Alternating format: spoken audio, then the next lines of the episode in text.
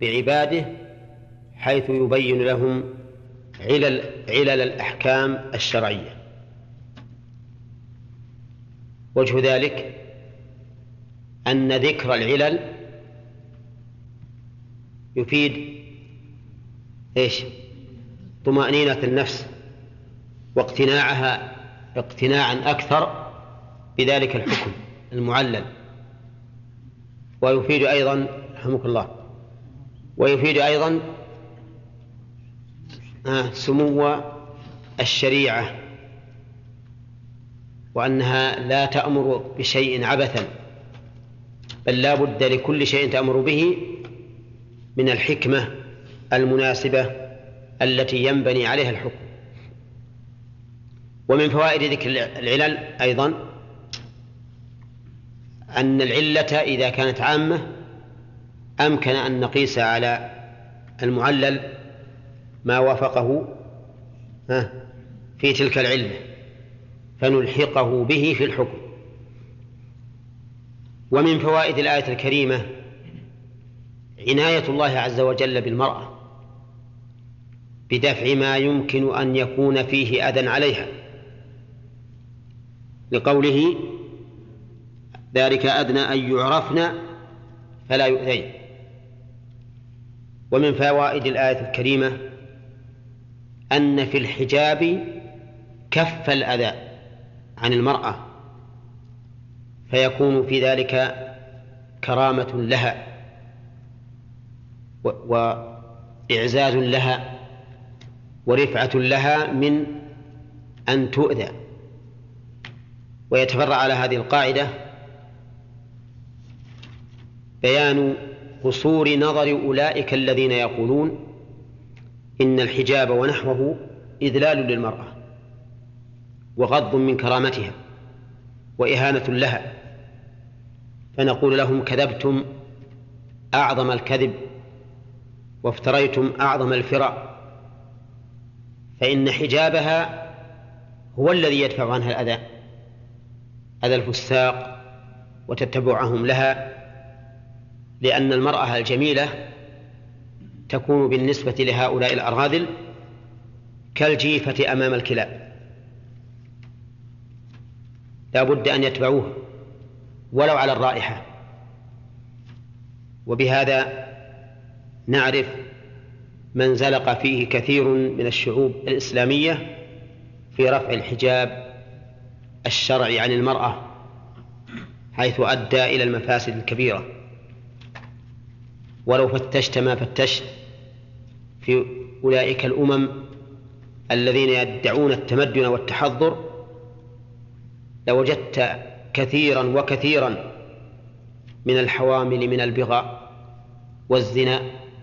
هذا فضلا عمن يستعملن الحبوب المانعة من الحمل وفضلا عمن يجهضن الحمل قبل أن يستتم.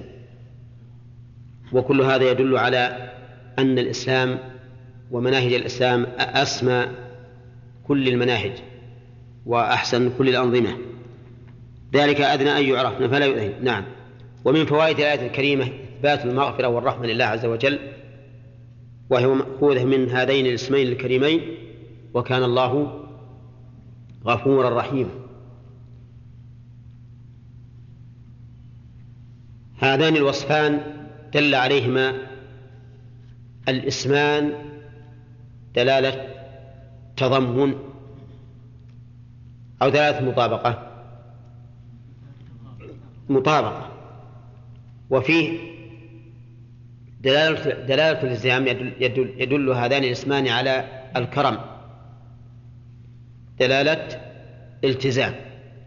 لأن الكريم هو الذي يغفر وهو الذي يرحم. وكان الله غفور رحيما. ثم قال تعالى لئن لم ينتهي المنافقون والذين في قلوبهم مرض إلى آخره. في هذه الآية الكريمة من الفوائد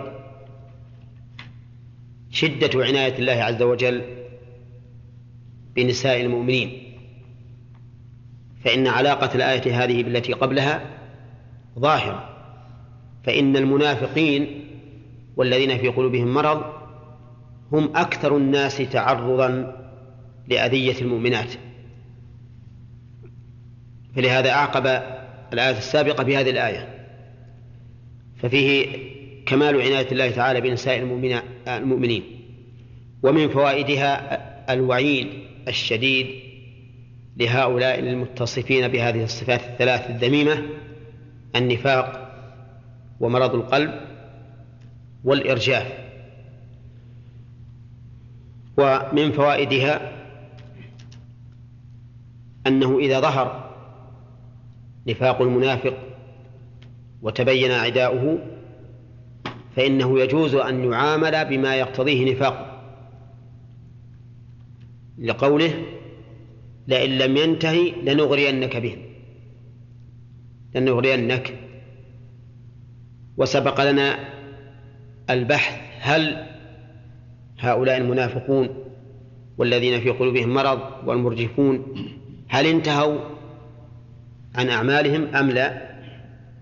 وقلنا إن في ذلك رأيين لأهل العلم وأن الأقرب من هذين الرأيين أنهم انتهوا انتهوا عن ذلك لأننا لم نرى أن الله عز وجل سلط رسوله عليهم.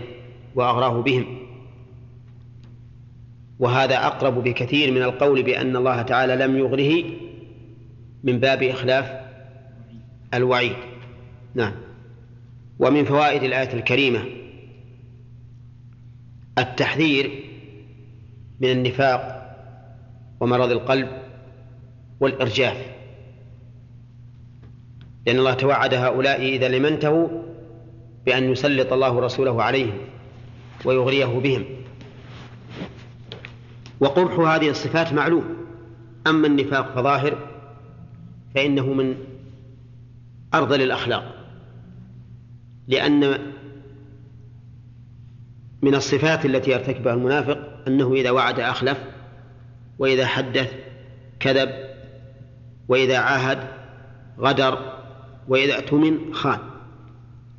وهذه من أرذل الصفات الاجتماعية. وأما الذين في قلوبهم مرض فإن مرض القلب أشد من مرض البدن. لأن مرض البدن يوجب الألم الحسي الذي قد يتحمله الإنسان. وأما مرض القلب والعياذ بالله فإنه يوجب القلق النفسي وضياع الحياة كلها. والموت المعنوي. واسمع إلى قول الله تعالى ولا تطع من أغفلنا قلبه عن ذكرنا واتبع هواه. وكان أمره فرطا. ما أكثر الأوقات التي تضيع على من غفل عن ذكر الله تضيع بلا فائدة. وأنت إذا رأيت من نفسك أن أوقاتك ضائعة بلا فائدة فيجب عليك أن تلاحظ قلبك فإن هذا لا يكون إلا من غفلة القلب عن ذكر الله. ولو رأيت أو لو نظرت فيما سبق من التاريخ كيف أنتج العلماء ما أنتجوا من المؤلفات ومن فطاحل العلماء الذين تخرجوا على أيديهم في أوقات قد تكون أقل من الوقت الذي عشته أنت. وذلك بسبب ما ملأ الله به قلوبهم من ذكره. حتى صارت أعمارهم لا يضيع منها لحظة واحدة. فعليك أن تنتبه لهذا لمرض القلب وأن تبادر بمداواته لأنه إذا تفشى المرض في القلب نسأل الله العافية قد يموت ويطبع عليه فلا يحق حقا ولا يبطل باطلا. وأما الإرجاف وتخويف الناس المؤمنين وإلقاء الذعر في قلوبهم فهذا أيضا من الأخلاق الذميمة لأن الواجب على المرء على الأقل أن يكون موقفه موقف المحايد. أما أن يذهب ويرجف بالمؤمنين ويقول عدوكم أكثر منكم ولا يمكن أن تغلبوه وعدوكم فعل وفعل وفعل فإن هذا من علامات النفاق. ويستفاد من الآية أنه ينبغي للإنسان أن يدخل على المؤمن ما يقوي عزيمته وينشطه سواء في الجهاد في سبيل الله أو في غيره من الأعمال النافعة. ومن فوائد الآية الكريمة أن النبي صلى الله عليه وسلم مكلف عبد يؤمر وينهى. لقوله لنغرينك بهم. إذن إذا لم يغره الله بهم فالواجب عليه الكف والتوقف حتى يؤذن له فيه ومن فوائد الآية الكريمة مشروعية إجلاء من بقاؤه أو من في بقائه ضرر من أين تؤخذ؟ ها؟ لنغرينك بهم ثم لا يجاورونك فيها إلا قليل وقد ثبت نحو هذا الإجلاء في الزاني إذا لم يكن محصنا فإنه يجلد مئة جلدة ويغرب عن وطنه أو عن عن عن البلد الذي زنى فيه لمدة سنة. وثبت أيضا الإجلاء في قطاع الطريق. إذا أخافوا الناس ولم يأخذوا مالا ولم يقتلوا نفسا. فإنهم ينفون من الأرض ويبعدون. وثبت الإجلاء أيضا في التعزير. فإن عمر بن الخطاب رضي الله عنه نفى نصر بن الحجاج.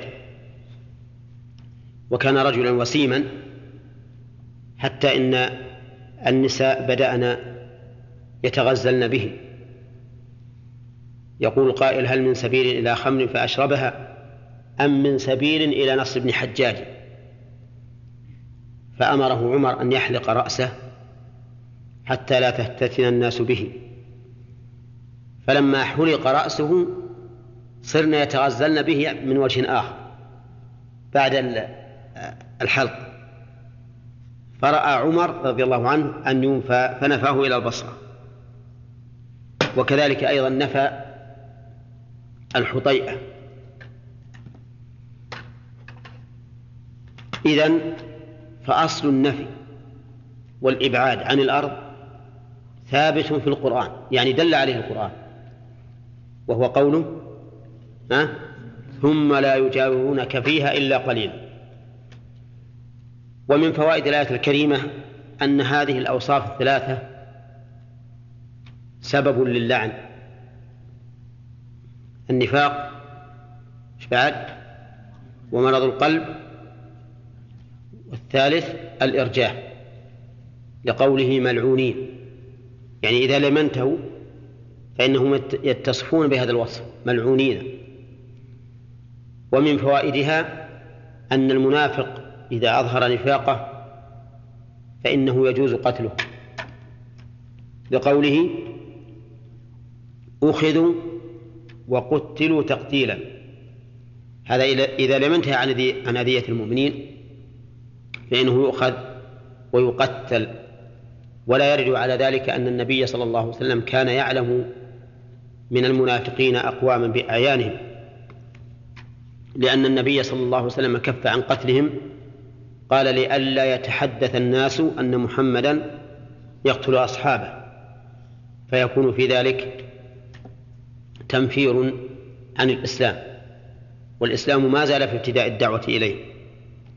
ثم إن المنافقين في عهد الرسول عليه الصلاة والسلام يتسترون ما يعرفون إلا في لحن القول أو بوحي أوحاه الله تعالى إلى رسوله صلى الله عليه وسلم. ومن فوائد الآية الكريمة استعمال المبالغة في الألفاظ لفظا ومعنى. أما معنى فقوله أينما تقف أخذ في أي مكان؟ في في بر أو بحر أو جو قريبا كان أو بعيدا أخذا من عموم الشرط في قوله ها؟ أينما ثقفوا. أخذ. والوجه الثاني من المبالغة في اللفظ قوله ها؟ وقتلوا تقتيلا. لأن هذا أبلغ من قوله وقتلوا قتلا. نعم قتلوا تقتيلا. ففيه استعمال المبالغة في الألفاظ والمعاني أيضا. فالمبالغة في المعاني مأخوذة من الشرط والمبالغة في الألفاظ مأخوذة من قوله قتلوا تقتيلا. ثم قال الله عز وجل ابتداء درس اليوم أظن. سنة الله نعم.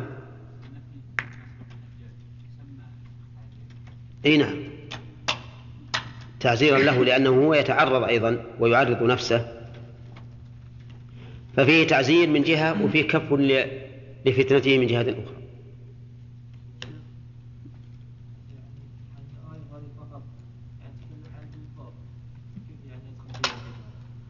يدنين عليهن من جلابيبهن. المرأة تدني من جلبابها قال قال المفسرون ومنهم ابن عباس تغطي وجهها إلا عينا واحدة تخرجها لتنظر الطريق.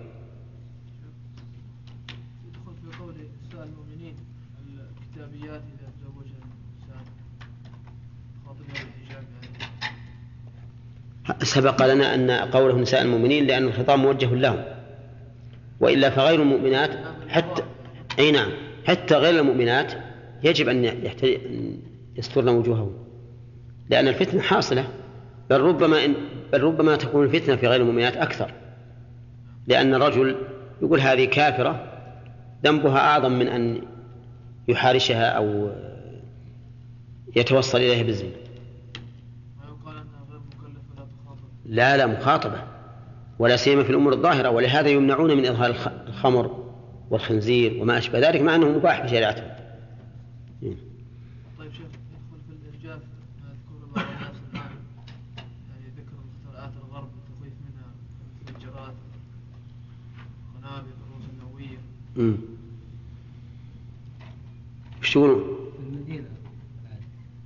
لا ما يخالف. المدينة وغير السواء. لكن هذا بيان للواقع. المرجوف في المدينة بيان للواقع. والقيد إذا كان بيان للواقع فلا مفهوم له. وش تقولون؟ يدخل في هذا؟ أو نقول إن هذا إنه ما بينه وبينهم حرب الآن. إن الله يرحم حالنا ذليلين الآن نعم؟ وأنه ربما يكون من أن هذا من الفوائد. من فوائده أننا نحرص على أن نكون مثلهم؟ أو ما يمكن؟ هو إن ذكر على سبيل التخويف والتعظيم فهو حرام. إذا ذكر على سبيل تعظيم هؤلاء الكفار وترفيع شأنهم هذا حرام. لأن كل شيء يوجب أن نعظم الكافرين وأن وأن يكون لهم في قلوبنا منزلة فهذا حرام. لأننا مأمورون تجاه الكفار بما أمر الله به نبيه. يا أيها النبي جاهد الكفار والمنافقين واغلظ عليهم. ومأمورون بأن نفعل كل ما يغيظ نعم. قال الله تعالى يعجبك كمثل زرع أخرج شطأه ها؟ إيه؟ فآزره. فاستغلظ فاستوى على سوقه. يعجب الزراع ليغيظ بهم الكفار. وقال تعالى ولا يطعون موطئا يغيظ الكفار ولا ينالون من عدو نيلا إلا كتب لهم به عمل صالح. فنحن مأمورون بإغاظتهم وإهانتهم ما استطعنا. أما أن نذكر ما فيه تعلية شأنهم وبيان مقدرتهم وإلقاء الهيبة في قلوبنا منهم فإن هذا لا يجوز كما قلت.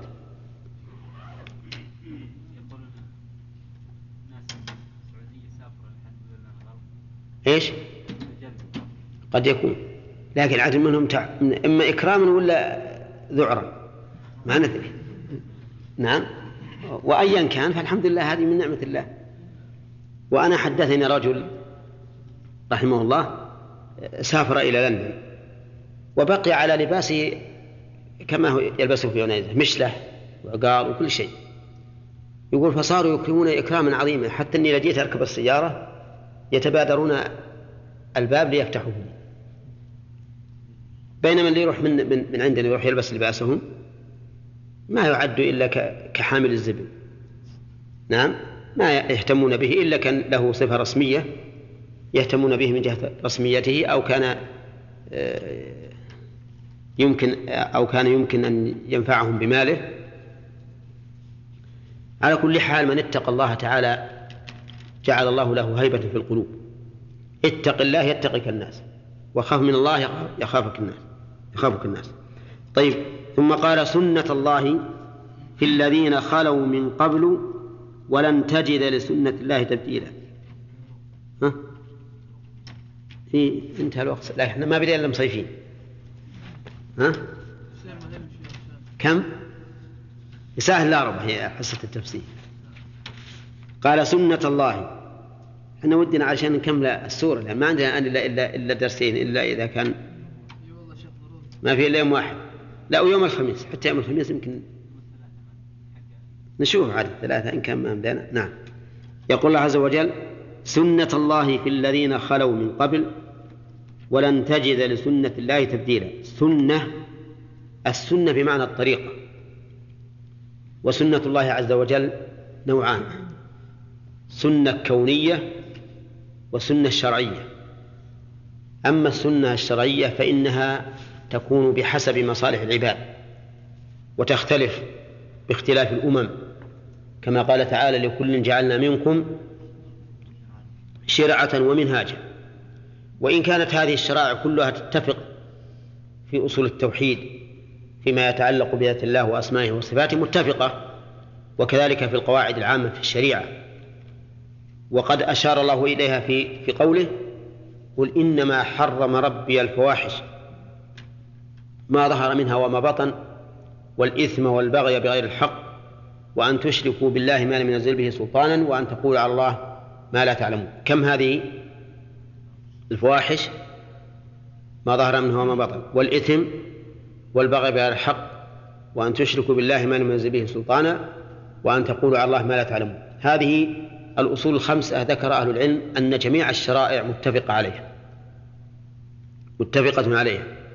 لكن من من الشرائع التي تختلف مصالحها باختلاف الزمان والمكان والأمم هذه لا بد أن تختلف أحكامها بحسب ما تقتضيه الحكمة حكمة الله عز وجل. أما السنة الكونية فهي ما يجريه الله تبارك وتعالى قدرا من العقوبات وغيرها وهذه السنة لا تتبدل ولا تتغير.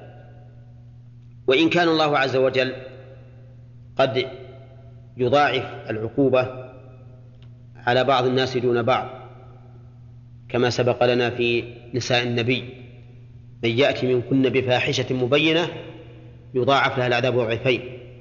وقد يجزي الله تعالى بعض العاملين على العمل أكثر من من البعض الآخر. كما في هذه الأمة فإنها أعطيت نعم كفلين من الأجر على من سبقها من الأمم. وكما في أصحاب الرسول عليه الصلاة والسلام الذين قال الله في قال فيهم الرسول صلى الله عليه وسلم والذي نفسي بيده لو أنفق أحدكم مثل أحد ذهبا ما بلغ مد أحدهم ولا نصيف لكن في العقوبات يقول الله سنة الله. قال المؤلف أي سن الله ذلك. وأفادنا المؤلف في هذا التقدير أفادنا أن سنة منصوب على المصدر المحذوف عامله. أي سن أي سننا بهم سنة الله. أي سننا بهؤلاء المنافقين والذين في قلوبهم مرض والمرجفين في المدينة سننا بهم سنة الله في من سبق. فإن كل من نابذ عباد الله وأولياءه سلط الله عليهم. سنة الله في الذين خلوا من قبل من الأمم. خلوا بمعنى مضوا ولهذا قال المؤلف من الأمم الماضية في منافقهم المرجفين بالمؤمنين ولن تجد لسنة الله تبديلا ولن تجد لسنة الله تبديلا منه ولا من غيره ها؟ أي ولا من غيره السنة الكونية هنا السنة الكونية أما الشرعية فيمحو الله ما يشاء ويثبت وربما تبدل لكن سنة الله الكونية لن تجد لها تبديلا لا منه ولا من غيره. في إنزال العقوبة بمن يستحقها وإن كانت هذه العقوبة قد تختلف لكن لا بد للمخالفين من عقوبة. والله أعلم. لا. نعم. الله تعالى يسألك الناس عن الساعة. يسألك الناس قال المؤلف أي أهل مكة. والصواب أنه أعم. وفي قوله يسألك ولم يقل سألك. دليل على أن هذا السؤال ما زال مستمرا على رسول الله صلى الله عليه وسلم. يسأله الناس عن الساعة. والسؤال عن الساعة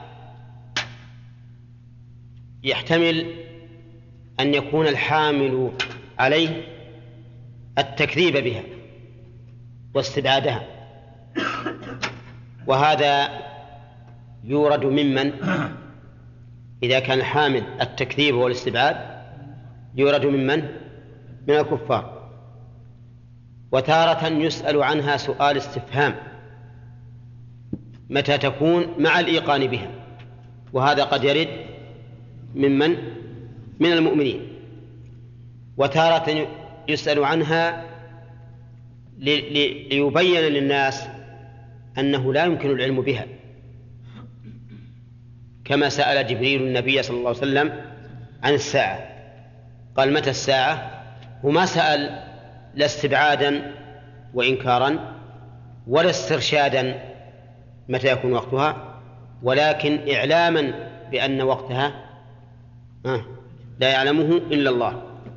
ولكن قد يقول قائل إن قوله يسألك الناس لا يدخل فيه سؤال جبريل.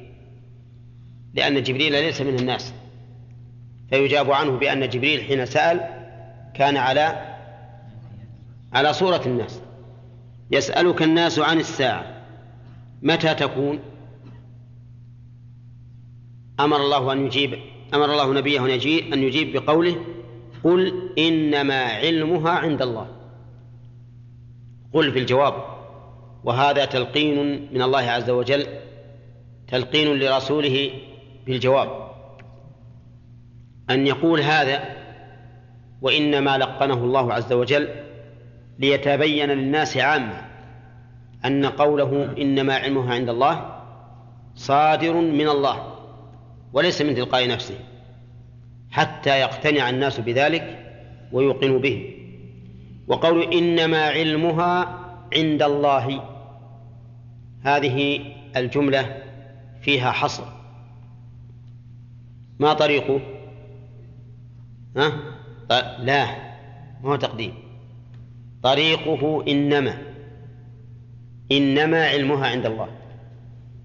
نعم؟ يعني ما علمها إلا عند الله وحده. وهذا كقوله إن الله عنده علم الساعة. فلا أحد يعلم متى تقوم الساعة إلا الله عز وجل. وكل ما قيل عن وقت قيامها من السابقين واللاحقين فما هو إلا تخرص كاذب.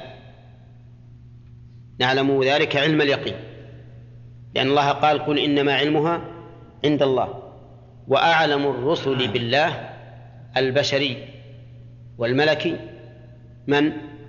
محمد صلى الله عليه وسلم وجبريل وكلاهما لا يعلم. لما سأل جبريل النبي صلى الله عليه وسلم قال ما المسؤول عنها؟ بأعلم من السائل. فإذا كنت أنت تجهل أيها السائل فأنا مثلك أجهل منك. واضح؟ قل إنما علمها عند الله. وهذا كما يشمل الساعة العامة التي تقوم ويحشر الناس فيها من قبورهم لرب العالمين. تشمل أيضا الساعة الخاصة التي هي موت كل إنسان فإن من مات قامت قيامته وقامت ساعته لأنه انتهى من الدنيا إلى دار العمل إلى دار الجزاء. ويدل لذلك قوله تعالى وما تدري نفس بأي أرض تموت يا عيسى. وش وجه الدلالة ها؟ إيه لكن وش وجه الدلالة من الآية اللي ذكرت. إيه. وش وجه الدلالة من أنه ما لا يدري أحد متى يموت؟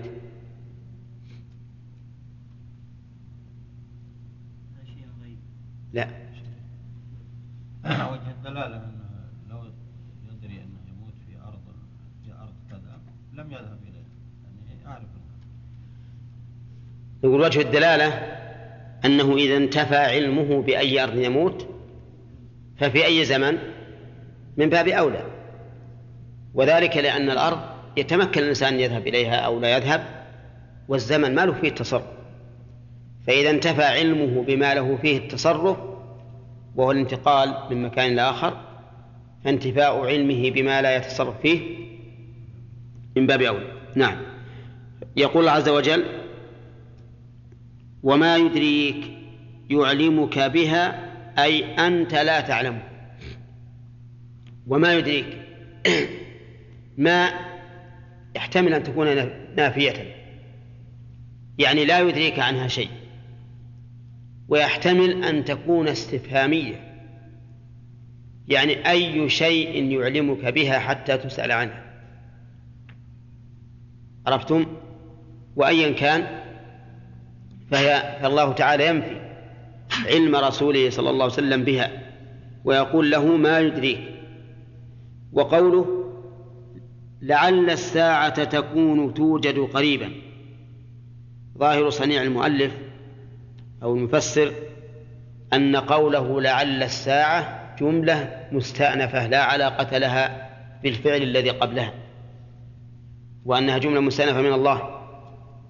يعني لا لا تدري عنها أنت ولكنها قريبة.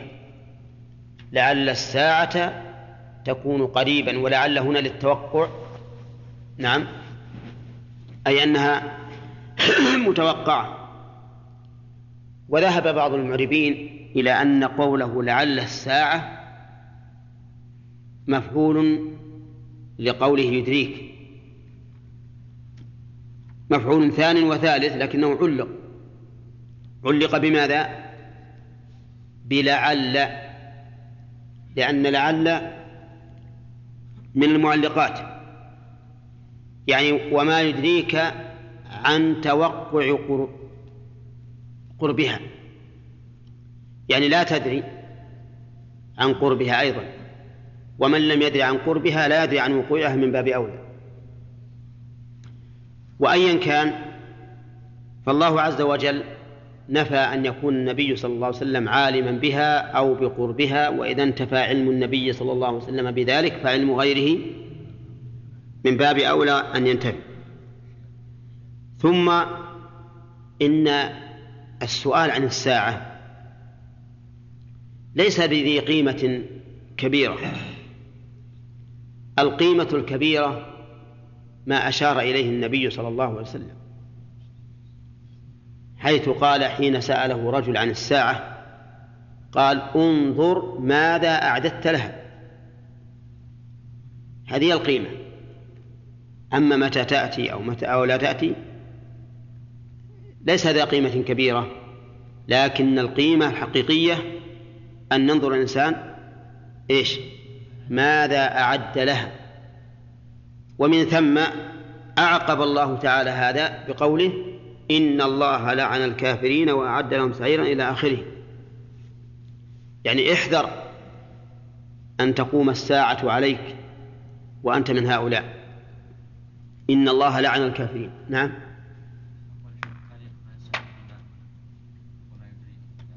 لا تعليق يكون بعد العام. لا. نعم. نعم. وين؟ هذه؟ ما في شيء ما سبقها عامل حتى تعلقه. الهمزة استفهام لكن الجملة ابتدائية. مثل ما لو قلت أقام زيد قعد عمرو ما في تعليق. ها؟ مفعولها أن وما دخلت عليه. لا ما هي معلق هذه مصدرية. فتأويل المصدر سد مسد الفعلين يعني أحسب الناس تركهم. نعم.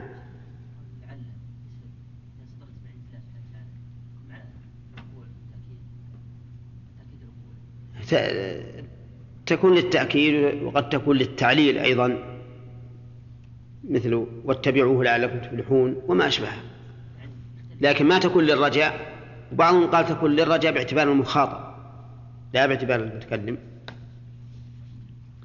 يقول الله عز وجل إن الله لعن الكافرين وأعد لهم سعيرا. إن الله لعن. اللعن قال أهل العلم معناها الطرد والإبعاد عن رحمة الله. وهذه الجملة مؤكدة بإن وقولها الكافرين بمن؟ الكافرين بالله وبما يجب الإيمان به. وقولها عن الكافرين أبعدهم عن الرحمة ثم قال وأعد لهم سعير يعني ليسوا مبعدين عن الرحمة فقط وسالمين من الإثم بل إنهم جمع لهم بين الإبعاد عن رحمة الله وبين العقوبة وأعد لهم أي هيأ هيأ لهم سعيرا يقول نارا شديدة يدخلونها. نارا يسعرون بها والعياذ بالله فهم وقودها والحجارة. نارا تطلع على الأفئدة تصل إلى قلوبهم التي في أجوافهم والعياذ بالله. هذه النار ليسوا باقين فيها يوما أو يومين أو سنة أو سنتين. يقول خالدين فيها أبدا. قال مقدرا خلودهم. أشار المؤلف إلى أن الحال هنا حال مقدرة لأن الخلود ليس حال كفرهم ولكن حال مجازاتهم يوم القيامة.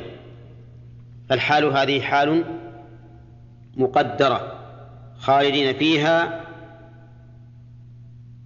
أبدا. وأبدا هذه تفيد استمرار الزمن في المستقبل. استمرار الزمن في المستقبل. وأزلا تفيد استمراره. في الماضي. في الماضي.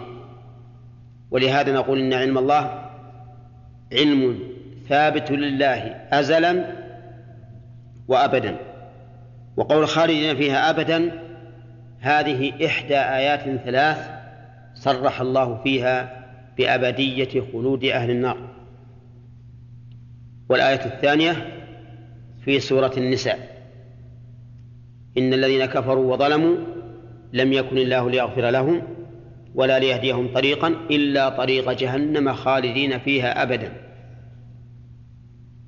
والآية الثالثة في سورة الجن ومن يعص الله ورسوله فإن له نار جهنم خالدين فيها أبدا. وفي بعض هذه الآيات بل في واحدة منها رد واضح على قول من قال إن النار غير مؤبدة. ولهذا كان عقيدة السنة والجماعة أن النار مؤبدة كالجنة.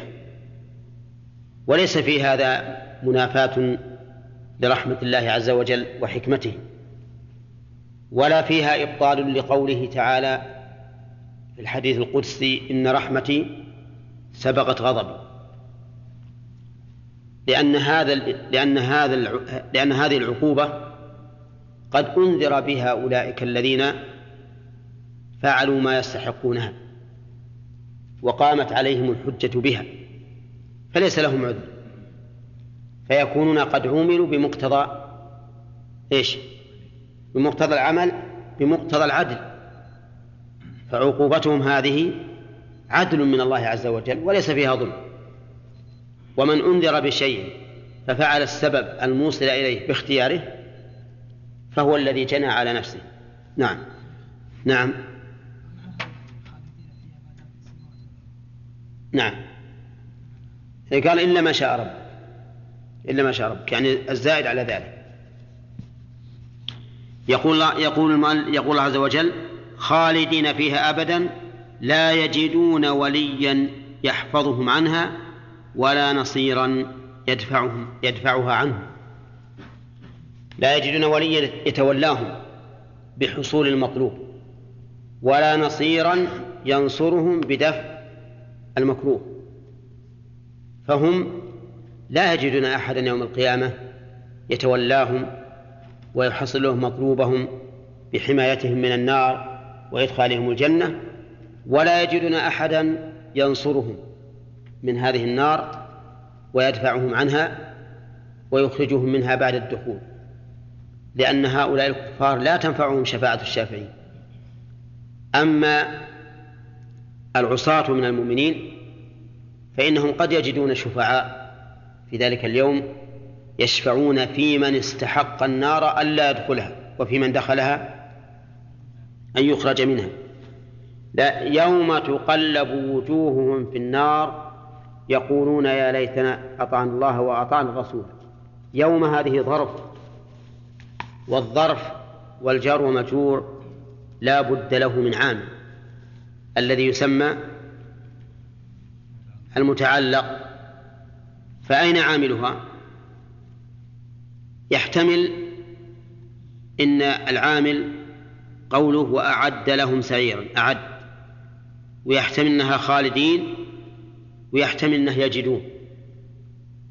فتكون تنازعت فيها العوامل الثلاثة. ويحتمل أن العامل محذوف أي أذكر يوم تقلب وجوه. نعم وكل هذا محتمل وكل هذا هو الواقع. وقول تقلب وجوههم أي تصرف من جهة إلى جهة كما يقلب اللحم على النار لينضج والعياذ بالله. وفي قوله يوم تقلب ولم يقل يوم يقلبون أن هذا الأمر يقع منهم على سبيل الكره.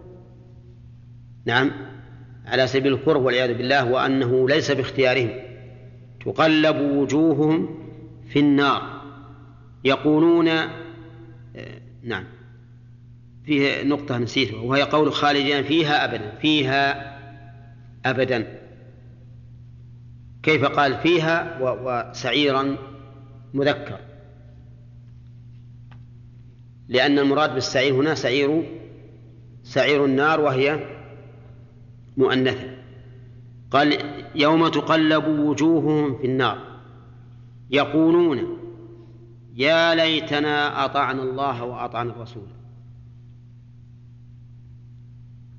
قوله يقولون يحتمل أنها حال وهو الأقرب من ألهى في وجوههم. يعني تقلب وهم يتحسرون هذا التحسر. يقولون يا ليتنا ويحتمل أن تكون استئنافية حكاية الله سبحانه وتعالى لهم عنهم ما يقولون. يقولون يا ليتنا أطعنا الله وأطعنا الرسول. قال المؤلف يا التنبيه وليست للنداء. ليش؟ لأن لأن يا النداء لا تدخل إلا على من يصح نداؤه حقيقة أو حكما. وليت ها؟ لا يصح نداؤه لأن حرف فإن ليت للتمني. يقول المؤلف إنها للتنبيه وقيل إنها نداء لمنادى محذوف يناسب المقام. يقول يا ربنا ليتنا أطعنا الله. المنادى محذوف تقديره يا ربنا ليتنا أطعنا الله وأطعنا الرسول. فعلى الأول يكون التنبيه هنا يراد به زيادة التحسر كأنهم ينبهون أنفسهم لهذا التمني الذي تمنوه. وعلى الثاني يكون المنادى محذوفا للمبادرة بذكر التمني دون ذكر من وجه من وجه الخطاب إليه. وأيا كان فإنه فإنه يدل على شدة تحسرهم وقوله يا ليتنا أطعنا الله. وأطعنا الرسول. هذا تمني ما يعسر حصوله أو ما يتعذر في ذلك الوقت. ها؟ يتعذر في ذلك الوقت.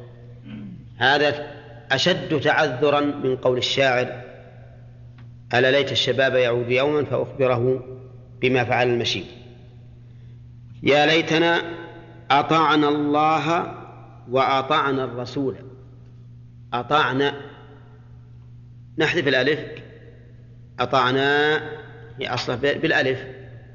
فنقول أطعنا الله وأطعنا الرسول.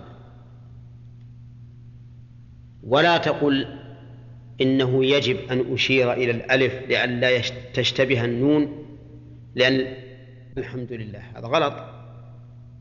بل تقول وقال الحمد لله ما فيها شيء. تحذف الألف لالتقاء الساكنين. هنا أيضا نحذف الألف التقاء الساكنين ولا نقول إن حذفنا إياها. يشتبه ضمير المتكلم بضمير النسوة لأن السياق يدل على المعنى. نعم. إيه هم ينبهون السامع. على أنهم يتمنون هذا. الوجه الثاني. أنها حرف نداء والمنادى محذوف. تقدير يا ربنا ليت نعم. إي نعم. موجودة خطا لكن ما ما ما ينطق بها لفظا. حتى أطعنا الله الآن الألف موجودة خطا. لكن في اللفظ ما تنطق بها. ها؟ مثل دعوة الله. تحذف الألف. نعم. يا ليتنا أطعنا الله وأطعنا الرسول الرسول بالألف والألف هنا للإطلاق. ومر علينا في هذه السورة نظيرها. ما هو؟ وتظنون بالله الظنون. نعم. وسيأتي بعدها أيضا كلمة أخرى. فأضلون السبيل. فهذه ثلاث كلمات فيها ألف تسمى ألف الإطلاق. ثلاث ألفات فيها ثلاث قراءات. قراءة بإثبات الألف وصلا ووقفا. وقراءة بحذفها وصلا ووقفا. وقراءة بحذفها وصلا وإبقائها وقفا. نشوف الآن. يا ليتنا أطعنا الله وأطعنا الرسول وقال. كم في هذه على قراءته يا ليتنا أطعنا الله وأطعنا الرسول وقال. هذه على قراءته يا ليتنا أطعنا الله وأطعنا الرسول وقال.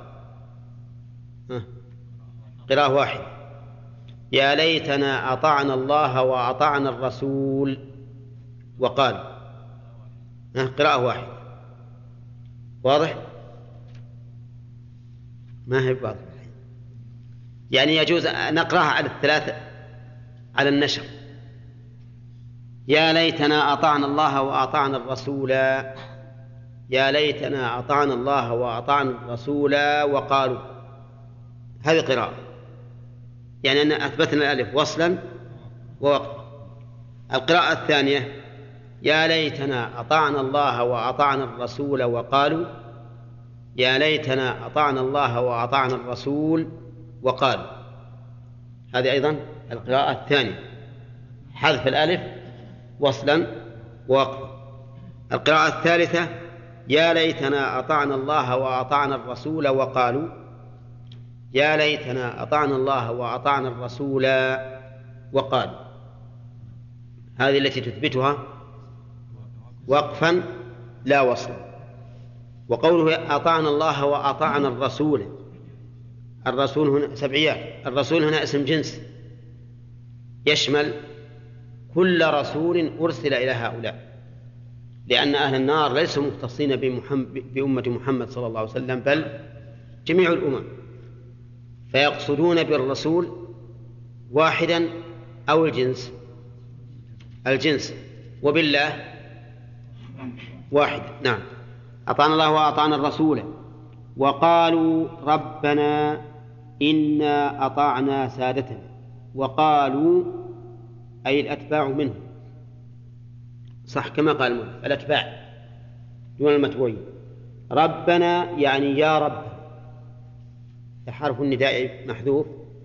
إنا أطعنا سادتنا. وفي قراءة يعني سبعية ساداتنا جمع الجمع. سادة جمع إيش؟ سيد. وسادات؟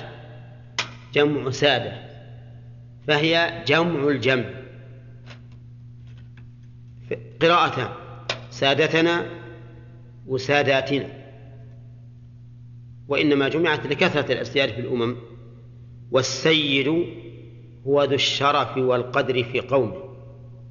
المقدم فيه هذا السيد. وقوله وكبراءنا كبراءنا الذين فوق الأسياد كالأمراء ونحوهم. فالناس لهم أسياد مطاعون ولهم كبراء فوق هؤلاء. فيقولون إنا أطعنا سادتنا وكبراءنا. الصنفين جميعا.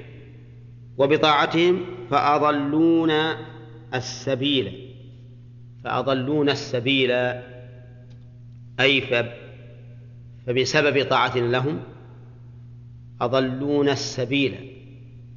الضلال هنا بمعنى إيش؟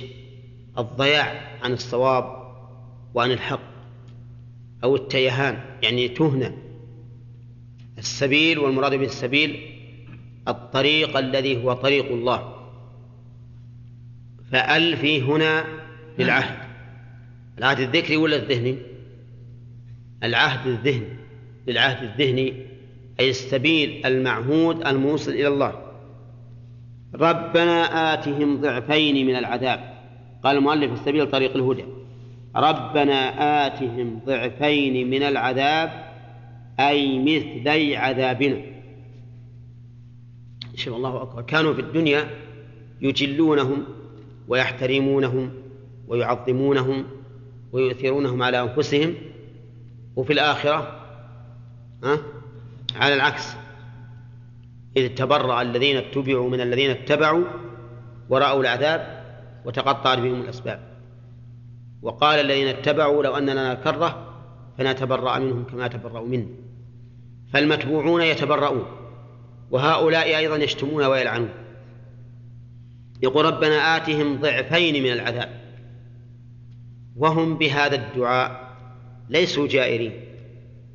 لأنهم أرادوا بالضعفين أن هؤلاء الكبراء ضلوا وأضلوا. ضلوا وأضلوا. فيكون عليهم إثمان إثم الضلال بأنفسهم وإثم الإضلال لغيرهم. ولهذا قال النبي عليه الصلاة والسلام من سن سنة سيئة فعليه وزرها ووزر من عمل بها إلى يوم القيامة. وقال تعالى ولا يحملن أثقالهم وأثقالا مع أثقالهم. فدعاء هؤلاء الأتباع دعاء عدل وليس دعاء جور لأن هؤلاء المتبوعين مستحقون للعذاب مرتين ربنا آتهم ضعفين من العذاب والعنهم لعنا كبيرا. لعنهم لعنا كبيرا. يقول العنهم عذبهم. لماذا فسر اللعنة بالعذاب؟ لأنهم في النار فهم مطرودون عن رحمة الله. ولكن لو أن المؤلف أبقاها على ما على ما هي عليه لصار لكان حقا. ويكون العنهم يعني أبعدهم إبعادا كبيرا عن رحمتك حتى لا ترحمهم يوما من الدهر. وقوله كبيرا يقول ها كثيرا عدده وفي قراءة بالموحدة أي عظيما. ها؟ إيش؟ وفي قراءة بالموحدة أي عظيما عظيما أي نعم. فيها قراءتان. ولعنهم لعنا كثيرا وهذا باعتبار الكمية. ولعنا كبيرا باعتبار الكيفية. أي عظيما فإن قلت كيف يكون فيها قراءتان والقول واحد صادر من هؤلاء. فهم إما أن يكونوا قالوا كبيرا وإما أن يكونوا قالوا كثيرا. والله عز وجل يحكي عنهم. فما هو الجواب يا عبد الإله أو ما فهمت السؤال؟ أه؟ طيب السؤال الله يحكي عن هؤلاء الكفار أنهم يقولون إلعنهم لعنا كبيرا وعلى القراءة الثانية كثيرا. فكيف يحكي قولين عن قائل واحد؟ يعني هم إما قالوا كبيرا ولا قالوا كثيرا. نعم. أحيانا يقولون كبيرا وأحيانا يقولون كثيرا. نعم صح. الجواب أح- أحد وجهين. إما أن بعضهم يقول كثيرا والآخر يقول كبيرا وإما أنهم يقولون ها؟ أحيانا كبيرا وأحيانا كثيرا. طيب فإن قلت ألا يحتمل أن الواحد منهم يجمع بينهما في كلمة واحدة بمعنى أن يقول ولعنهم لعنا كبيرا كثيرا؟ الجواب لا لأن الله ما حكى هذا بل الكلمة واحدة إما كبيرا وإما كثيرا. ولهذا لا نجمع بين الكلمتين لا في الآية هذه ولا في قوله صلى الله عليه وسلم حين علم أبا بكر اللهم إني ظلمت نفسي ظلما كثيرا وفي لفظ كبير. ما نجمع بينهم؟ ما نقول اللهم إني ظلمت نفسي ظلما كثيرا كبيرا بل نقول أحد اللفظين لأن السنة لم ترد بالجمع بينهما. وكذلك هنا في القرآن لا يجوز لأحد أن يقول والعنهم لعنا كثيرا كبيرا. حرام. لأنه إذا قال ذلك فقد زاد ها؟ فقد زاد في القرآن. فنقول إما هذا وإما هذا. نعم. ما يخالف لأن الظاهر أن الحديث يمكن نقف على الباب اللي وقفنا عليه قبل. وعلشان نكمل السورة هذه. نعم. نعم. يقال ضعف ويقال ضعفين بمعنى واحد. ما في فرق. نعم. يقول ولعنهم لعنا كبيرا. يا أيها الذين آمنوا لا تكونوا مع نبيكم كالذين آذوا موسى بقولهم مثلا ما يمنعه أن يغتسل معنا إل- إلا أنه آدر يا أيها الذين آمنوا لا تكونوا كالذين آذوا موسى. تقدم الكلام مرارا وتكرارا على قوله يا أيها الذين آمنوا على كونها صدرت بالنداء وعلى أنها اختير وصف ها الإيمان. لا تكونوا كالذين آذوا موسى. كالذين الكاف هنا اسم بمعنى مثل فهي خبر تكون. كالذين آذوا موسى ولكنهم آذوه بدون ضرر. ما أضروا به. آذوه. وهذه الآية لها صلة بما سبق في قوله إن الذين يؤذون الله ورسوله لعنهم الله في الدنيا والآخرة. وفي قوله لا تكونوا كالذين آذوا موسى فيها تحذير وفيها تسلية. أما التحذير فلمن؟ فللمؤمنين لأنهم إذا آذوا نبيهم استحقوا ما استحقه من آذوا موسى وفيها تسلية لمن؟ للرسول صلى الله عليه وسلم بأنه إن أوذي فقد أوذي من قبله ولهذا ثبت عنه أنه صلى الله عليه وسلم قال رحم الله أخي موسى لقد أوذي بأكثر من ذلك فصبر. نعم. وقول لا تكونوا كالذين آذوا موسى هو موسى بن عمران عليه الصلاة والسلام أفضل أنبياء بني إسرائيل. وبماذا آذوه؟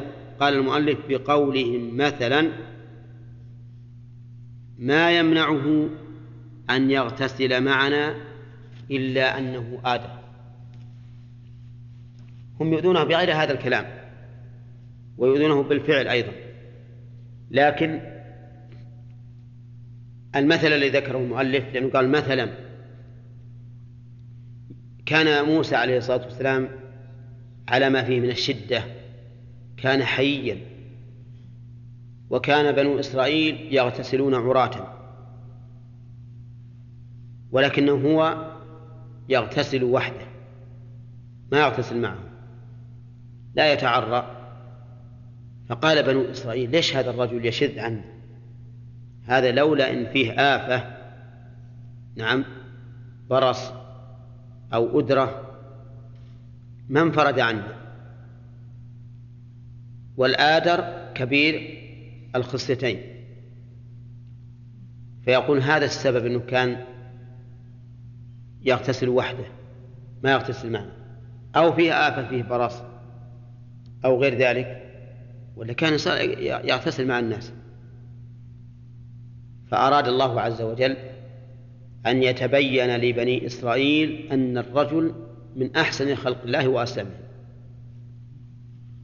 اغتسل ذات يوم وحده ووضع ثوبه على حجر. ولما خرج ليلبسه فر الحجر. فر بثوبه.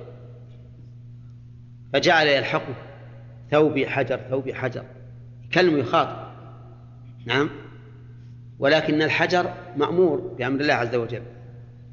ما وقف إلا حتى وصل ملأ من بني إسرائيل.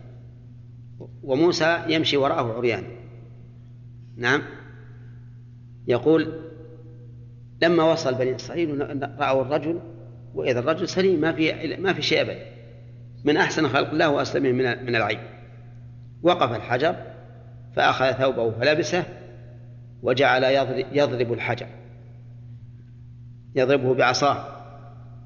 حتى صار فيه أثر من ضرب العصا. طيب ليش يضرب العصا؟ الحجر؟ ها؟ لأنه لما عمل عمل عمل العاقل ها؟ بهربه بالثوب استحق تأديب العاقل. ولا كان الحجر ما ما يستفيد. ولهذا الآن صار لنا يعني في فيه نوع من من التأسي بموسى حينما يعثر الصبي بحجر. نعم. يقول تعال تبي ندقه إذا دقيت الحجر يهدأ الصبي ويقف عن البكاء. نعم. لكن بس شتان ما بين المسألتين. أقول يعني نوع من الأصل. على كل حال أن موسى عليه الصلاة والسلام أراد الله عز وجل أن يبين لبني إسرائيل أنه ليس كما قال وأنه سليم. وسيأتي إن شاء الله في الفوائد ما في هذه القصة من الحكمة. قال فبرأه الله مما قال. برأه الله مما قالوا قال المؤلف بأن وضع ثوبه على حجر ليغتسل ففر الحجر به حتى وقف بين ملأ من بني إسرائيل فأدركه موسى فأخذ ثوبه فاستتر به فرأوه لا أدرة به قال وهي نفخة في الخصية. رأوا أنه سليم عليه الصلاة والسلام. وفي نعم فبرأه الله مما قالوا. أفادنا بقول سبحانه وتعالى بقوله مما قالوا أن الأذية التي أشارها الله أشاره إليها هي قول وقوله مما قالوا ما اسم موصول والعائد. ها؟ محذوف. تقديره؟ مما قالوه قال وكان عند الله وجيها. أي ذا جاه. والجاه بمعنى القدر وعلو المنزلة. فكان إبراهيم عليه الصلاة فكان موسى عليه الصلاة والسلام وجيها عند الله. يعني ذا قدر ومنزلة رفيعة. وهل وصف الله غيره من من الأنبياء بالوجاهة؟ عيسى. قال وجيها في الدنيا والآخرة ومن المقربين ويكلم الناس في المهد وكهلا وغير؟ عيسى ذكرنا. فيه حصورا سيدا وحصورا وجيها ها؟ أنا لا أستحضر الآن لكن ما أستطيع أني أنفي قد يكون في أحد آخرين. لكن إذا كان موسى وجيها عند الله وعيسى فمحمد عليه الصلاة والسلام أعظم جاها منه لأنه أفضل الرسل. ولكن هل يلزم من الجاه؟ هل يلزم من الجاه أن يتوسل الإنسان بجاه النبي إلى الله؟ الجواب لا لأن جاه النبي قدر ومنزلة خاصة بالنبي. فكيف تت... ما ما ما تنتفع بجاهه لأن مجرد وجاهة النبي عند الله لا تنفع أحدا من الناس. ولهذا القول الراجح من أقوال العلم أن التوسل بجاه النبي صلى الله عليه وسلم محرم. قال وكان عند الله وجيها نعم. ذا جاه ومما أوذي به نبينا صلى الله عليه وسلم أنه قسم قسما. فقال رجل هذه قسمة ما أريد بها وجه الله. أعوذ بالله. وهذا من أعظم ما يكون من السب لكن سب النبي صلى الله عليه وسلم حق له. إذا عفى عنه وأسقطه فله الحق. ولا أحد يتهم الرسول عليه الصلاة والسلام بأنه ما أراد بها وجه الله؟ نعم. هذا ما أحد ما أحد يقول هذا. وإن قاله بعض الناس غيره كما قاله بعض من قاله من الأنصار حين قسم النبي صلى الله عليه وسلم غنائم حنين قالوا إن الرجل وجد قومه وأراد أن يغدق عليهم المال ونحن قاتلنا وفعلنا وفعلنا ولم يعطنا شيئا.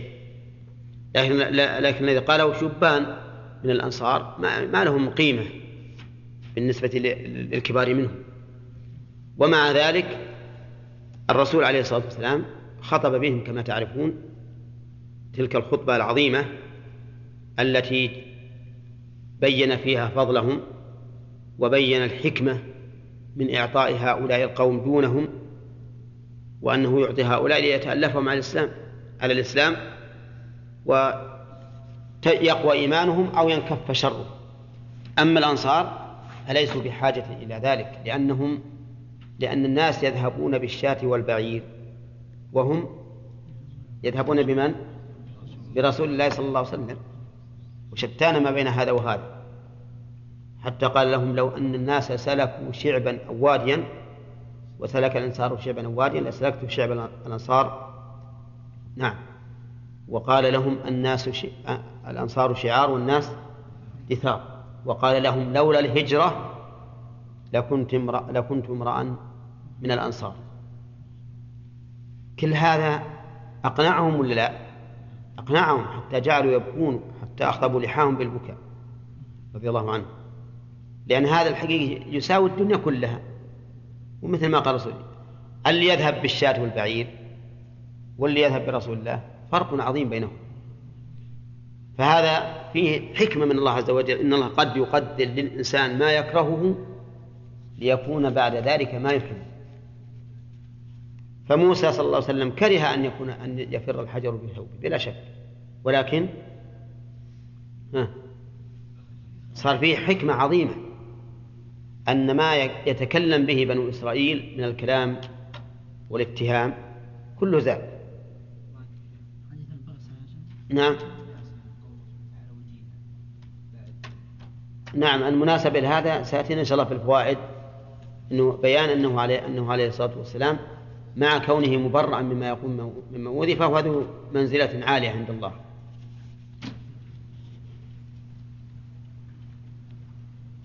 ثم قال يسألك الناس عن الساعة. من فوائد هذه الآية الكريمة أن الناس ما زالوا يتساءلون عن الساعة ويتفرع من تلك الفائدة فائدة أخرى وهي أن شأن الساعة عظيم. لأنه إنما يكثر التساؤل عن الأمور العظيمة دون الأمور التافهة. ومن فوائدها أن النبي صلى الله عليه وسلم لا يعلم الغيب. ولو كان يعلم الغيب لعلم متى تكون الساعة.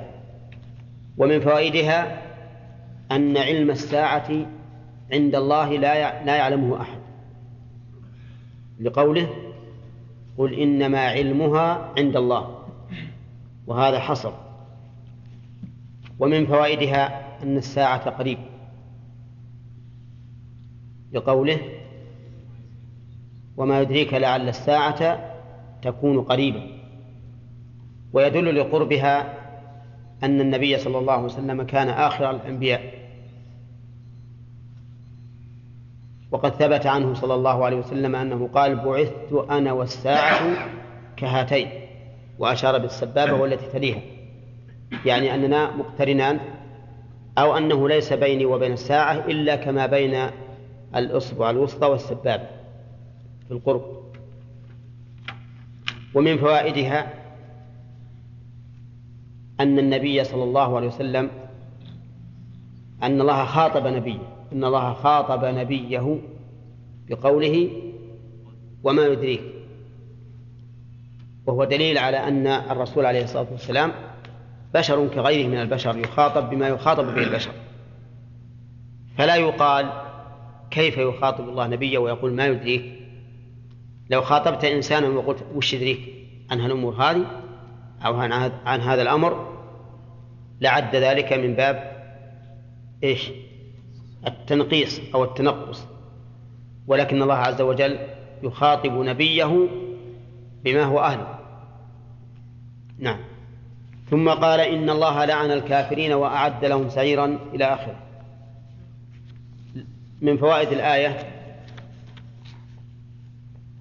أن الله تعالى لعن الكافرين وأبعدهم وطردهم عن رحمته. ومن فوائدها التحذير من الكفر لأنه سبب للعنة. ومن فوائدها إثبات العلل والأسباب. من أين يؤخذ؟ من قوله الكافرين. لأن الكافرين وصف علق به اللعن. فهو فهو ربط للعن بالكفر. فيكون فيه في هذا إثبات العلل والأسباب وهذا كثير. ومن فوائدها الرد على الجهمية الذين يقولون إن الله عز وجل يفعل الأشياء لا لحكمة بل لمجرد المشيئة. ومن فوائدها إثبات وجود النار. قوله وأعد لهم سعيرا ومن فوائدها عظم النار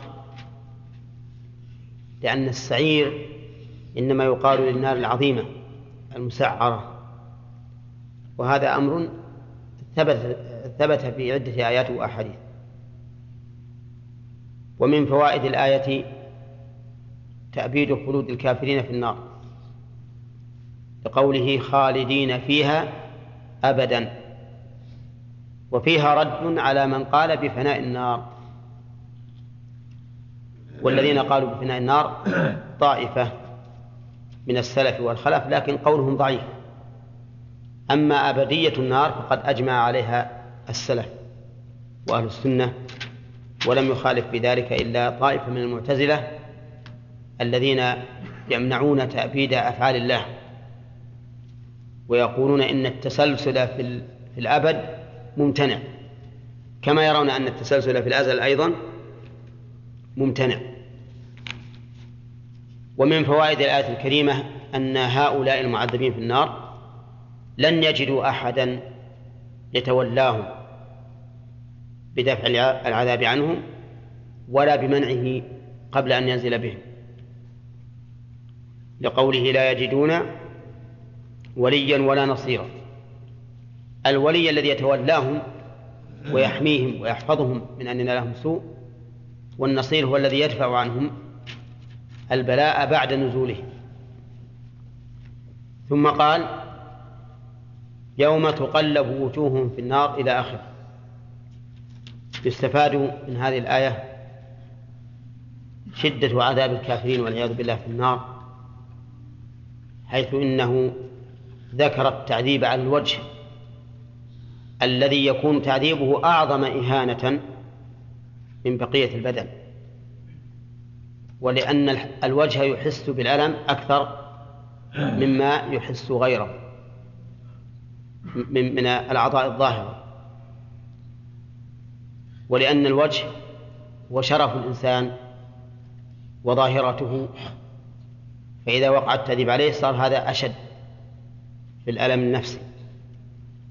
لقوله يوم تقلب وجوههم في النار. ومن فوائد الآية أن هذا التقليب بغير اختيار منه. لقوله تقلب فهم يقلبون فيها والعياذ بالله كما تقلب اللحم على النار لشيها. ومن فوائد الآية الكريمة ظهور التحسر من أولئك الكافرين حين عذابهم. لقوله يقولون يا ليتنا أطعنا الله وأطعنا الرسول. ولكن هذا أمر فات أوانه. ومن فوائد الآية الكريمة أن طاعة الله ورسوله سبب للنجاة من النار. لأنهم لم يذكروا لم يتمنوا شيئا سوى طاعة الله ورسوله التي ينجون بها من هذا العذاب. ثم قال تعالى وقالوا ربنا إنا أطعنا سادتنا وكبراءنا فأضلونا السبيل. في هذا في هذه الآية دليل على اعترافهم بأنهم مقلدون وليسوا متبوعين لقوله ربنا إنا أطعنا سادتنا ومن فوائدها أن التقليد لا يغني من العذاب. يعني حتى لو كانوا كبراء زعماء وبين لهم الحق فإذا خالفوه لأجل موافقة زعمائهم فإن ذلك لا ينجيهم من العذاب. ومن فوائدها تحريم تقليد العالم إذا تبين النص. من أين يؤخذ؟ من أن الله عذب هؤلاء على تقليد كبرائهم وزعمائهم في مخالفة الحق. فإذا تبين لك الحق لا تقول والله قال العالم الفلاني وقال الإمام الفلاني فتكون مشابها لمن؟ لأهل النار الذين قالوا إن أطعنا سادتنا وكبراءنا. ومن فوائدها جواز نسبة الشيء إلى سببه. لقولهم ها فأضلونا. مع أن الذي يضل ويهدي حقيقة هو الله عز وجل. لكن هؤلاء الكبراء صاروا سببا للإضلال فنسب الإضلال إليهم. ومن فوائدها الرد على القدرية في قولهم أطعنا وقولهم أضلون السبيل. ومن فوائدها أن موالاتهم لهؤلاء الكبراء والسادة ستنقلب يوم القيامة عداوة لقولهم ربنا آتهم ضعفين من العذاب والعنهم لعنا كبيرا. ومن فوائدها تحذير من حول ولاة الأمور. الولاة سواء كانوا وزراء أو مدراء أو أكبر من ذلك تحذير من كان حولهم أن يتبعهم في معصية الله. وأنه سيأتي اليوم الذي يندم فيه ويتبرأ ويدعو عليهم بمثل هذا الدعاء. ومن فوائدها أن السادة والكبراء المضلين لا ينفعون أتباعهم يوم القيامة. وجهه لقوله لا يجدون وليا ولا نصيرا ولأنهم دعوا على هؤلاء. وقالوا ربنا آتهم ضعفين من العذاب. ولو كانوا ينفعونهم. نعم. ما دعوا عليهم ومن فوائد الآية الكريمة التحذير من جلساء السوء. ما وجهه؟ ها؟ قوله فأضلون وأن كل إنسان ترى أنه سيضلك عن سبيل الله فالواجب عليك البعد عنه. وقد قال الله عز وجل مخبرا عن هذه الحالة ويوم يعض الظالم على يديه يقول يا ليتني اتخذت مع الرسول سبيلا. يا ويلتى ليتني لم أتخذ فلانا خليلا. فلانا هذا ما هو من الكبراء والسادة أي فلان؟ يا يا ويلتى ليتني لم أتخذ فلانا خليلا. لقد أضلني عن الذكر بعد إذ جاءني. وهذه النقطة فيكون قوله هنا فأضلون السبيل يعني بعد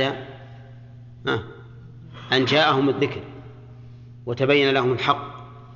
تابعوا هؤلاء فصارت عليهم هذه العقوبة. ومن فوائد الآية الكريمة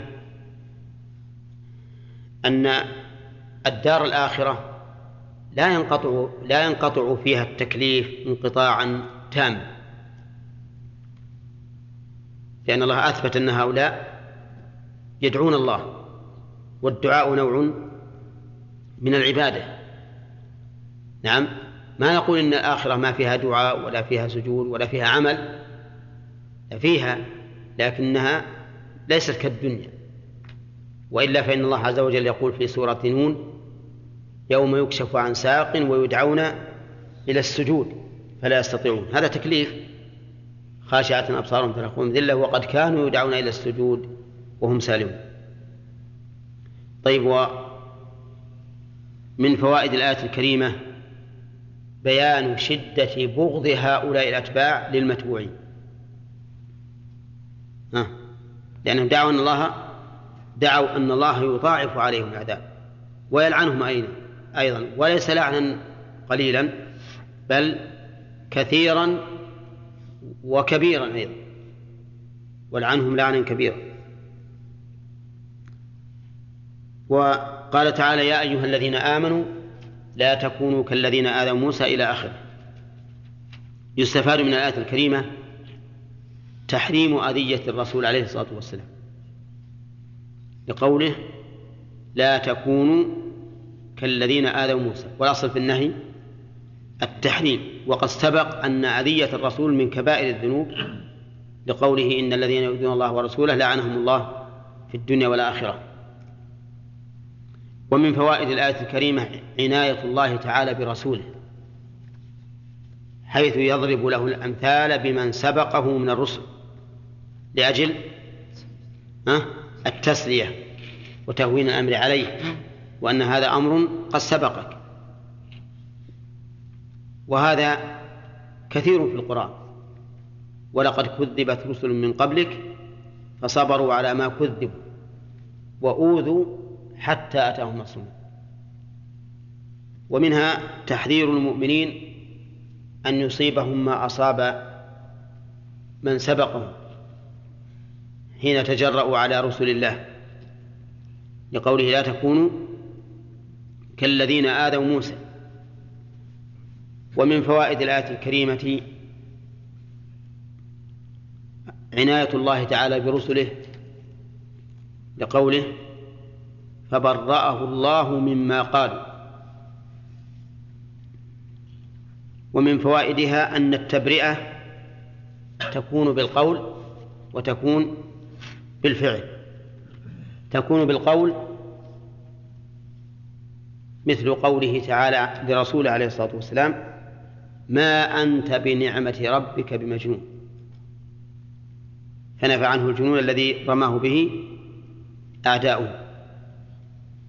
فذكر فما أنت بنعمة ربك بكاهن ولا مجنون. هذا التبرئة بإيش؟ إلى التبرئة بماذا؟ بالفعل ولا بالقول؟ بالقول التبرئة بالفعل كما جرى لموسى عليه الصلاة والسلام فإن الله تعالى ما قال لبني إسرائيل إنه ليس بآدر لكنه هيأ له هذا الأمر الواقع الذي يكون تبرئة من الله عز وجل لرسوله بماذا؟ بالفعل نعم ومن فوائد الآية الكريمة فضيلة موسى حيث برأه الله مما عيب عليه هذا من وجه وحيث قال فيه وكان عند الله وجيها. ومن فوائد الآية الإشارة إلى أن العبرة بوجاهة الإنسان عند الله لا عند الخلق. لأنه قال وكان عند الله وجيها. فقدم عند على قوله وجيها إشارة إلى أن المهم أن تكون وجيها عند الله. وبماذا يكون الإنسان وجيها عند الله؟ يكون وجيها عند الله تعالى بعبادته. كلما كان الإنسان أعبد لله تعالى وأطوع له كان عند الله أوجه. ودليل ذلك قوله تعالى إن أكرمكم عند الله أتقاكم. نعم. فكل من كان أتقى فهو أكرم عند الله وأرفع منزله. نعم. كشف بيت المقدس الرسول صلى الله عليه وسلم هذا بالفعل لا هذه شهادة بالفعل. هذه شهادة بالفعل. لأن الله ما ما أنزل قرآنا قال إن الرسول صادق لكنه رفع له بيت المقدس حتى شاهده. نعم بالنسبة لقراءة بعض وكان عبد الله وجيها بدل عنده عبد الله. عبد الله نعم. إيه. هذه آية شاذة هذه القراءة شاذة. طيب وإذا كان احتجوا بها على نفي العندية فماذا يقال؟ يقال هذه شاذة. هذه متواترة. ت- تلقاها المسلمون من الرسول إلى إلى إلى يوم. و- وأما تلك فشاذة. لا، والكلام على العندية في هذه الآية يا شيخ. نعم الكلام على العندية والقرب من الله عز وجل نرد عليهم بالآيات الكثيرة وبالأحاديث أيضا وهو إثب- إثبات القرب لله عز وجل.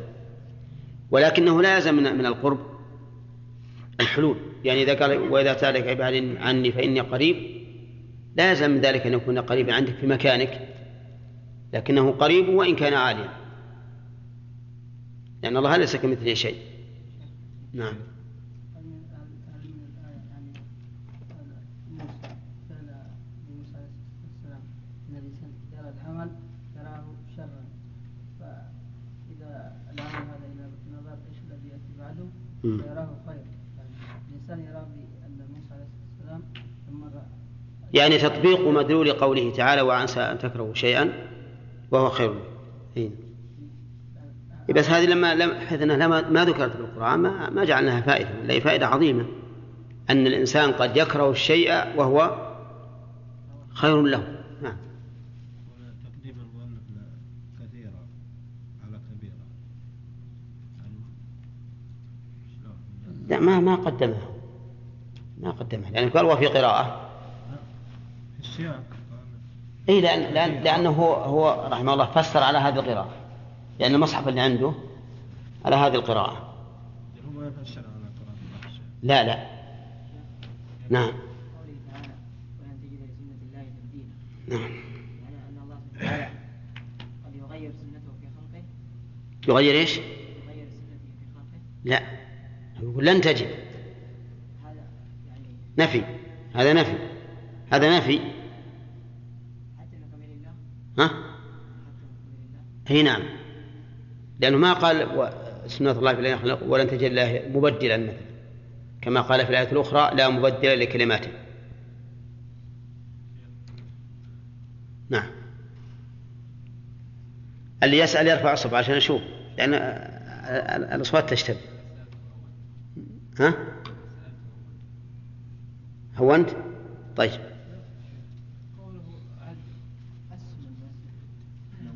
إيش؟ اي ابدا مربوطة بأسبابها.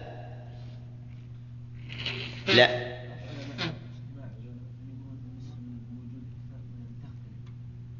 ابدا ما تختلف بأسبابها. إذا اختلف السبب اختلفت السنة.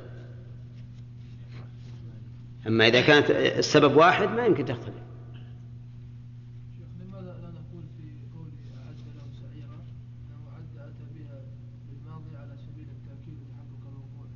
أنه أتى هذا خلاف الأصل. خلاف الأصل وقد ثبت وجود النار. لا فاحنا ما ما ما نلجأ إلى أنه أتى بالماضي عن المستقبل لتحقق وقوعه إلا في شيء يقينه ما أتى. مثل أتى أمر الله فلا تستعجلوا. فقوله فلا تستعجلون معناه أنه ما وقع الآن. ترى بات علينا قرايه يا أخي. ما هو ما انتهينا ها؟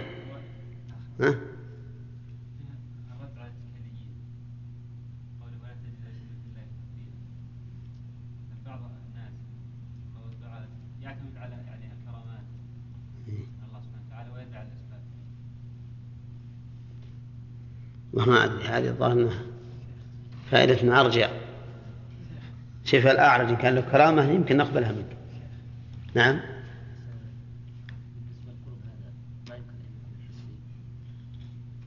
لا. هو لأن الوجاهة معنوي الوجاهة أمر معنوي. فيكون القرب هنا قربا معنويا. لكن القرب الحسي مثل الذين عند ربك لا يستكبرون عن عبادته ويسبحون وله يسجدون. ها؟ في الآية هذه؟ لا. لا ما تكون حسي. لأن الوجاهة معنى. الثانية إيه حسي نعم. حسي ما في شك أن القريب من الله مثل الملائكة اللي حملت العرش أقرب من غيرهم. نعم. ما هي ما ما هي معنى؟ لا ما هي معنى. ما دام هي موجودة ما هي نبي